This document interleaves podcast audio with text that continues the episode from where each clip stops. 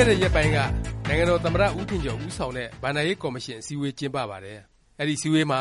မြန်မာ့စီးပွားရေး အခြေအနေနဲ့ ပတ်သက်ပြီး ဒေါ်အောင်ဆန်းစုကြည်ရဲ့ မှတ်ချက်စကားကလည်း စိတ်ဝင်စားစရာ ကောင်းပါတယ်။သူပြောခဲ့တာက“ကျမတို့ သေချာလေ့လာတဲ့အခါကျတော့ ကျမတို့ရဲ့ စီးပွားရေး တိုးတက်မှုက ထင်တာထက် မြန်တယ်”ဆိုပြီး ဖြစ်ပါတယ်။ဒါပေမယ့် သူ ဆက်ပြီး ပြောတာက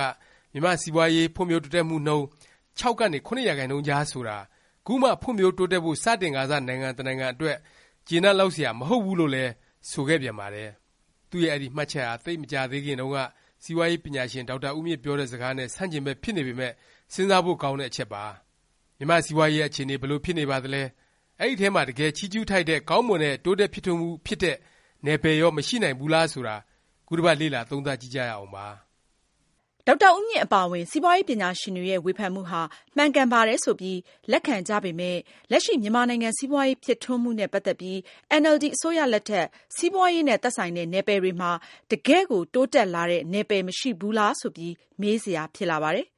လူတွေ သိပ်သတိမထားမိပေမယ့် အမှန်တကယ် တိုးတက်ဖြစ်ထွန်းလာတဲ့ ချီးကျူးထိုက်တဲ့ နယ်ပယ်တစ်ခုတော့ ရှိပါတယ်။အဲဒါကတော့ အရင်အစိုးရအဆက်ဆက်က မစွမ်းဆောင်နိုင်ခဲ့တဲ့ မြန်မာကျပ်ငွေတန်ဘိုး တည်ငြိမ်မှုနဲ့ အတက်အကျ အလှုပ်အရမ်း အလွန်နည်းပါးအောင် ထိန်းထားနိုင်တဲ့ ဘဏ္ဍာရေးဆိုင်ရာ နယ်ပယ်ပါပဲ။အဓိပ္ပါယ်ကတော့အင်န်အယ်လ်ဒီအစိုးရလက်ထက် ကုန်လွန်ခဲ့တဲ့ ၂၀၁၇တစ်နှစ်တာကာလကို ပြန်ကြည့်လိုက်ရင် မြန်မာကျပ်ငွေတန်ဘိုး တည်ငြိမ်နေတာ တွေ့ရမယ့်အပြင် အရင်တုန်းက ဖြစ်ခဲ့သလို နေ့စဉ် အတက်အကျ အလှုပ်အရမ်း ဖြစ်မှုမျိုးလည်း အလွန်နည်းပါးခဲ့တဲ့ အခြေအနေမျိုးပါ။ဒါကို အင်န်အယ်လ်ဒီ အစိုးရ စွမ်းဆောင်နိုင်ခဲ့တယ်လို့ အသိအမှတ်ပြုနိုင်ပါတယ်။မှတ်တမ်းတွေအရ ၂၀၁၇ ဇန်နဝါရီ ၁ ရက်နေ့မှာ ပုဂ္ဂလိက ဘဏ်တွေရဲ့ တစ်ဒေါ်လာ ဝယ်ဈေး ကျပ်ငွေ ၁၃၅၈၊ရောင်းဈေး ၁၃၆၂ ပေါက်ပါတယ်။အဲဒီနောက် မေလ ၁ ရက်နေ့မှာ ဒေါ်လာဈေး ၁၃၄၉၊၁၃၅၁၊သြဂုတ်လ ၁ ရက်နေ့မှာ ၁၃၅၄၊၁၃၅၆၊၂၀၁၈ ခုနှစ် ဇန်နဝါရီ ၁ ရက်နေ့မှာ ၁၃၅၂၊၁၃၅၄ ကျပ် ပေါက်ဈေး ရှိခဲ့ပါတယ်။အဓိပ္ပါယ်ကတော့ မြန်မာကျပ်ငွေဈေးနှုန်းဟာ ဒေါ်လာငွေနဲ့ နှိုင်းယှဉ်ရင် တစ်နှစ်အတွင်း တစ်ဒေါ်လာ ကျပ်ငွေ ၁၃၅၀ နဲ့ ၁၃၆၀ ကြားမှာ တည်ငြိမ်နေခဲ့တာ ဖြစ်ပါတယ်။ဒီလို ကျပ်ငွေတန်ဘိုး တည်ငြိမ်ရတာဟာ အစိုးရရဲ့ ဘတ်ဂျက်မှာ ဝင်ငွေနဲ့ ထွက်ငွေ သင့်တင့်အောင် လျာထား သုံးစွဲတတ်မှု၊ဘဏ္ဍာရေး အခြေအနေနဲ့ ကိုက်ညီတဲ့ ပမာဏလောက်ကိုပဲ ငွေစက္ကူရိုက်ထုတ်မှု စတာတွေကြောင့် ဖြစ်ပါတယ်။နောက်ထပ် ထူးခြားတာ တစ်ခုကတော့ ၂၀၁၇ ခုနှစ်အတွင်း မြန်မာကျပ်ငွေ တန်ဘိုး အလှုပ်အရမ်း နည်းပါးစွာနဲ့ တည်ငြိမ်နေတဲ့ ကိစ္စပါ။ဒါဟာ ရှေ့အစိုးရ အဆက်ဆက် ဘယ်အချိန်တုန်းကမှ မစွမ်းဆောင်နိုင်ခဲ့တဲ့ ကိစ္စပါ။အကြောင်းကတော့ ရှေ့အစိုးရ အဆက်ဆက် လက်ထက်မှာ ဒေါ်လာဈေး နိမ့်ရာကနေ မြင့်တက်လာတာမျိုး ရှိခဲ့ဖူးသလို၊မြင့်ရာကနေ နိမ့်သွားတဲ့ အခြေအနေတွေလည်း ရှိခဲ့ဖူးပါတယ်။ဒါပေမယ့် နိမ့်ရာကနေ မြင့်သည်ဖြစ်စေ၊မြင့်ရာက နိမ့်ဆင်းလာသည်ဖြစ်စေ တည်ငြိမ်မှု လုံး၀ မရှိပဲ အတက်အကျ အလှုပ်အရမ်း အလွန်များခဲ့ပါတယ်။တစ်ရက်တည်းမှာကိုပဲ တက်လိုက် ကျလိုက် အကြိမ်ကြိမ် ဖြစ်သလို၊အမြင့်ဆုံးဈေးနဲ့ အနိမ့်ဆုံးဈေး ကွာခြားမှုများတဲ့ အခြေအနေမျိုး ပေါ်ပေါက်ခဲ့တာကို ဆိုလိုတာပါ။ဒီလိုဖြစ်ခဲ့တဲ့ အဓိက အကြောင်းရင်းကတော့ မြန်မာကျပ်ငွေ တည်ငြိမ်ရေး၊နိုင်ငံခြားငွေ လဲလှယ်ရေးနဲ့ ပတ်သက်ပြီး ဗဟိုဘဏ်ရဲ့ ကိုင်တွယ်ပုံ ပြောင်းလဲလာတာကြောင့်လို့ ခန့်မှန်းနိုင်ပါတယ်။အရင် အစိုးရလက်ထက်ကစ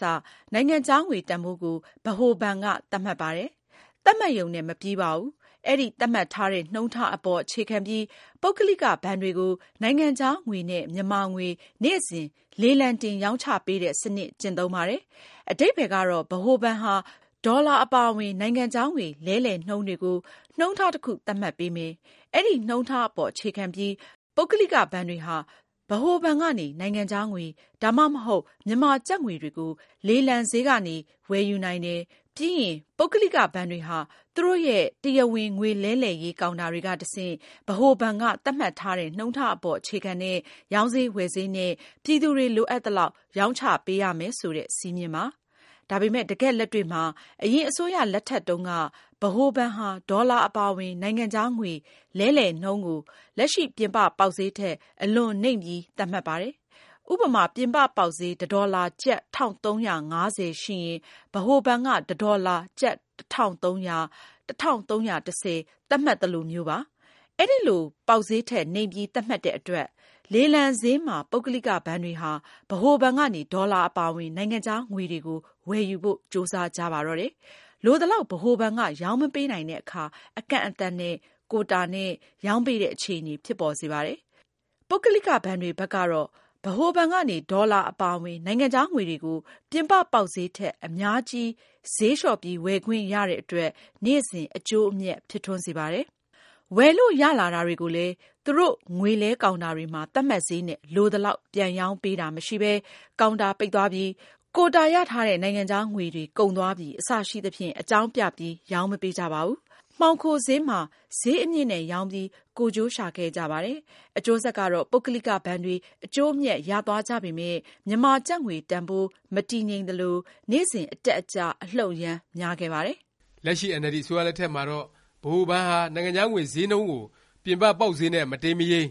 ဈေးမျဉ်း တစ်ခုမှာ သတ်မှတ်ပါတယ်။ဒီအခါ ပုဂ္ဂလိက ဘဏ်တွေဟာ ဗဟိုဘဏ်ကနေ ဒေါ်လာ အပါအဝင် နိုင်ငံခြားငွေ ဝယ်ယူလို့ မရတော့ပါဘူး။ဗဟိုဘဏ် ဈေးနှုန်းမြင့်နေတဲ့အတွက် သူတို့ဒေါ်လာကို ပြန်ပြီး လာရောင်းတာမျိုးတောင် လုပ်ကြရမယ့် အခြေအနေမျိုးပါ။ဒီလိုနည်းနဲ့ ဗဟိုဘဏ်ဟာ အဓိပ္ပါယ်မဲ့တဲ့ ငွေလဲလှယ်နှုန်းထား သတ်မှတ်ချက်ကို ပယ်ဖျက်ခဲ့ပြီး နေ့စဉ် လက်တွေ့ကျတဲ့ ဈေးနှုန်းကို သတ်မှတ်ခဲ့တဲ့အတွက်